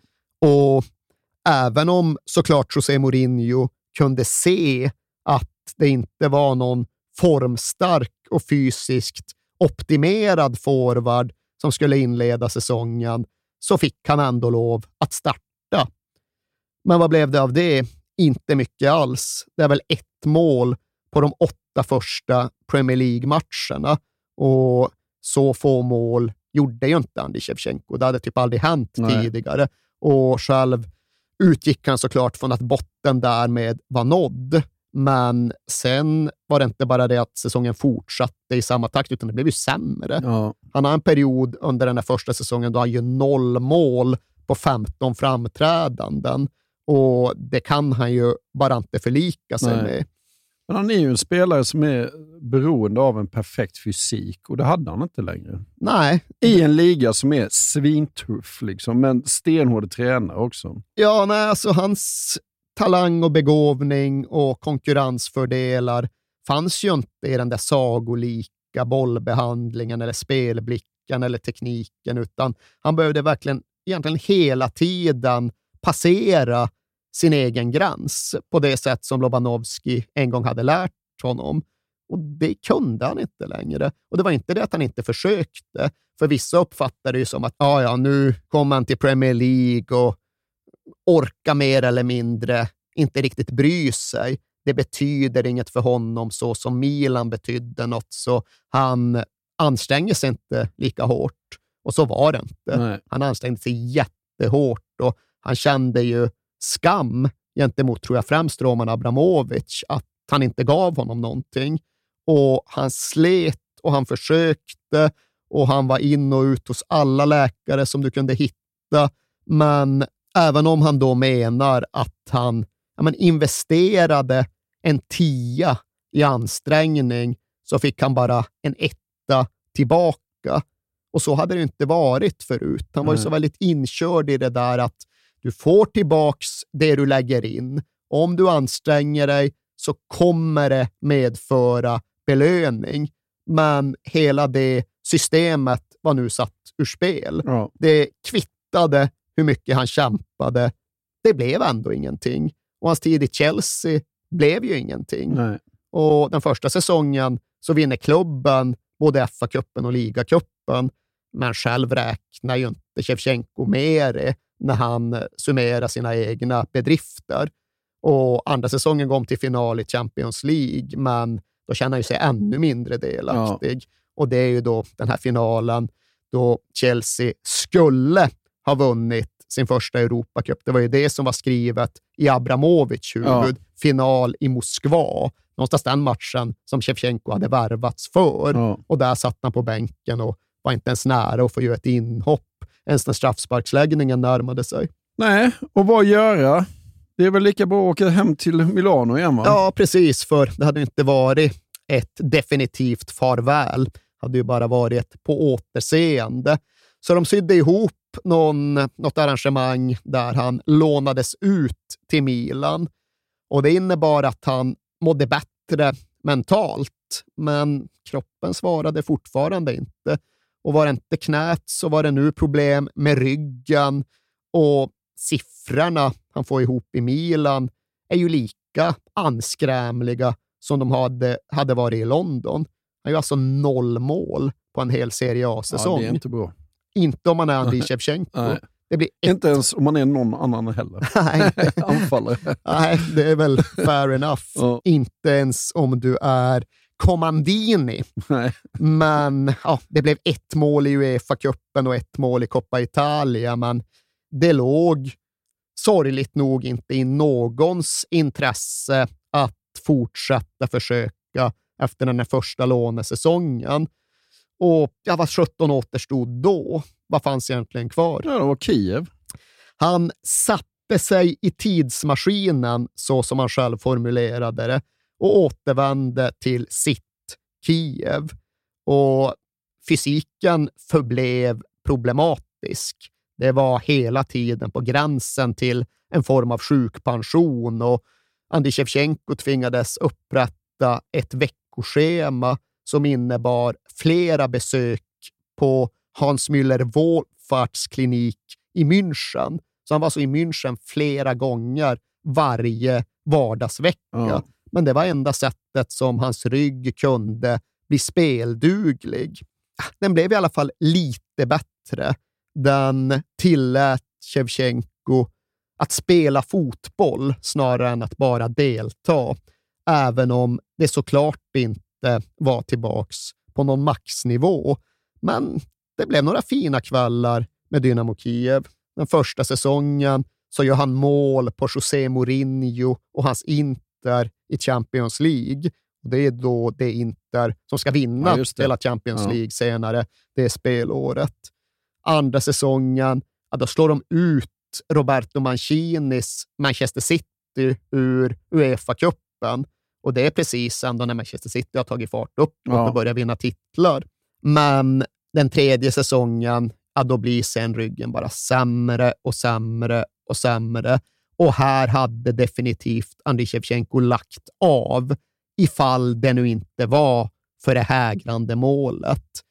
EM-slutspelet på hemmaplan i Ukraina. Det gick inte att missa. Det var någonstans det han hade samlat för och kämpat för ända sedan de första P16-landskamperna 91-92. Så det fanns inga alternativ. Det var bara att åka till München vid ännu fler tillfällen och anstränga sig ännu hårdare och förlika sig med att det ändå inte skulle bli riktigt så bra som det borde bli. Men han behövde spela EM. Det var så han såg på det. Ja, det var ju jävligt synd att han tyckte det. Jo, så kan vi ju se på saken. För som alla vet så spelar ju Ukraina EM-premiär mot Sverige på Olympiastadion i Kiev. Och inte ens 48 timmar före avspark så tror Andrij Shevchenko att det är helt omöjligt för honom att spela. Han har i praktiken givit upp, för ryggen strejkar och det finns ingen möjlighet att åka fram och tillbaka till München. Det är bara en natt kvar nu och sen är det match. Det, finns, det går inte att göra. Men när han beklagar sig och oroar sig och pratar runt, då är det en person i hans närhet som trollar fram en massör från Moskva som heter Alexander. Jaha, mm -hmm. jo, ja, men det är en trollkarl. Han kommer att fixa biffen. Ja, vad fan finns det att förlora? Mm. Hit med din massör från Moskva då. Och naturligtvis så ska denna Moskva-massör ha varit ett geni. Så plötsligt vaknar Shevchenko på matchdagens morgon och känner sig som 22 igen. Ja. Och Det kan vi ju tycka var tråkigt Ja, med verkligen. facit i hand. För ni minns garanterat EM-premiären. Erik Hamrens Sverige ska visa Shining och ställa upp med Ola Toivonen på vänsteryttern. Ja. Och balansen blir väl sådär. Ja. Men vi har ändå ledningen med en dryg halvtimme kvar. Men då kliver han ju in och visar både vem han är och vem han alltid har varit. Den snart 36-åriga fotbollskrymplingen Andriy Shevchenko som inte bara känner sig utan som även spelar som om han vore 22 igen. Och det är väl Olof Mellberg han kör över när han stångar in kvitteringsmålet på nick. Och sen minns ni ju garanterat hörnan strax därefter som har inneburit så jävla mycket skit för Micke. Lustig. Ja. Men som vi i mina ögon ska lägga lika mycket på Zlatan Ibrahimovic. För det är Zlatan som har ytan dit bollen slås. Ja. Och det är Zlatan, en statisk Zlatan, som tillåter en mobil Andriy Shevchenko att bara störta in framför honom och få iväg den där nickskarven som seglar in vid den främre stolpen. Naves Shevchenko! Mål! Andrei Shevchenko! Все-таки справедливость повсюду, и она есть на свете. Именно Андрей Шевченко, капитан и легенда. Och ja, jag var ju på den där matchen och Olympiastadion var fantastisk. Den var ju helt gul eftersom både hemma och Ja, just det. bortafans hade gult på sig. Och fan, den svävade. Den gjorde verkligen det. Och även om det var deppigt så gick det på ett plan att ta in vilken enorm nationell glädje och stolthet som rådde i den ukrainska huvudstaden den där kvällen. Och jag kan försäkra er om att Andriy Shevchenko kände det mer än så gott som någon annan. För han har pratat om en av de vackraste och mest intensiva kvällarna i hela mitt liv. Och han grät glädjetårar som han själv beskriver som värdighetstårar. Och han har även en skrivelse i sin självbiografi om matchkvällen där raderna lyder Vi var Ukraina på planen. De var Ukraina på läktarna. Tillsammans vann vi för Ukraina. Den där fulla arenan, de där stolta människorna, jag kommer att minnas dem för alltid. Och jag förstår, för jag kan också känna det, att minnet av det där blir ännu starkare i takt med att bomberna faller ner över Kiev och Ukraina slits isär. Men till slut så blir han förbundskapten för Ukraina. Ja, och, alltså det finns nästan något mått av oundviklighet i det. Ja. Utifrån hans status som spelare. Ja, han skulle väl alltid snärjas in i politiken. Och ja, han skulle, kvalificerad eller ej, även bli förbundskapten för Ukraina. Men till fotbollsmannen Andriy Shevchenkos försvar så ska det ju sägas att han gjorde ett rätt bra jobb som förbundskapten, vilket såklart kröntes med EM-slutspelet 2021 och en särskild åttondelsfinal i Glasgow. Och han bröt lite ny mark inom den ukrainska fotbollen, kanske inte minst eftersom att han omgav sig med bra folk. För han tog ju folk från Italien, från Ja. Milan, hade Mauro Tassotti som assisterande och en massa andra italienare på liksom analyspositioner och med andra uppgifter i staben. Och det gjorde det här laget ja, lite mer taktiskt noggrant, lite mer taktiskt flexibelt och även lite mindre lynnigt än andra ukrainska landslag har varit tidigare. De gick ju exempelvis över på trebackslinje mot Sverige i Glasgow och släppte iväg Sinchenko för att fylla vänsterkanten Ja. själv. Och det gav ju dessvärre viss effekt. Gjorde ju det. Men ja, nej, alltså, det är fortfarande surt. Ja, det, det är det fan. Ja. Men det finns ju också en liten del av en som kan känna att, ja fan, Ukraina, ni kunde få den där premiären 2012 och det är nästan så att ni kunde få den där åttondelen 2021 också. För jag vet vad de minnena betyder för er. Och de här framgångarna med landslaget gjorde absolut sitt för att återupprätta Andrij Shevchenkos hjältestatus hemma i Ukraina. Och det noterades definitivt att han som ryskspråkig gjorde ytterligare en lingvistisk ansträngning när han verkligen försökte prata ukrainska på sina presskonferenser. Och även om det genom åren har funnits fog för viss besvikelse kring hans politiska lojalitet och ideologiska identitet så har de sopats undan under de senaste veckorna. För så har det ju blivit för Andrij Shevchenko, precis som för många andra. Liksom, nu finns det inte längre några tvivel och några tveksamheter. Nu finns bara den ukrainska saken. Och där har ju verkligen Shevchenko en viktig roll att spela som ambassadör och synliggörare. Och där har han sett till att ta ansvar.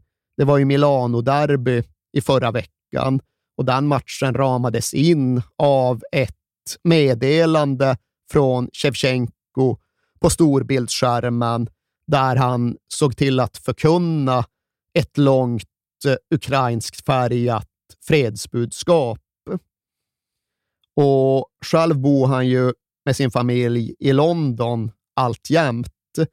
Men när han har givit intervjuer om den ukrainska saken i brittisk tv de senaste dagarna, då har han ju berättat om en familj som alltjämt vägrar lämna Ukraina.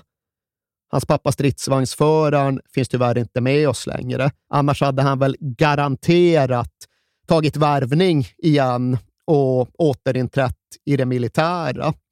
Men hans mamma och hans stora syster, ja, de lever alltjämt och de har ingen som helst avsikt att lämna Kiev.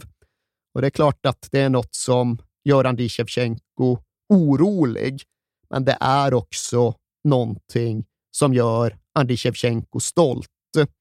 Och det har han även varit öppen med. Han har berättat om det här och refererat till det som den ukrainska andan. Och han säger att jag är så stolt över den och jag är så stolt över att vara ukrainare. First of all, I wanna thank you my nation, army, President Vladimir Zelensky to do everything possible to defend my country from Russian aggression. And then I'm so proud to be Ukrainian. And then it's very difficult moment for my country, for my people, for my family.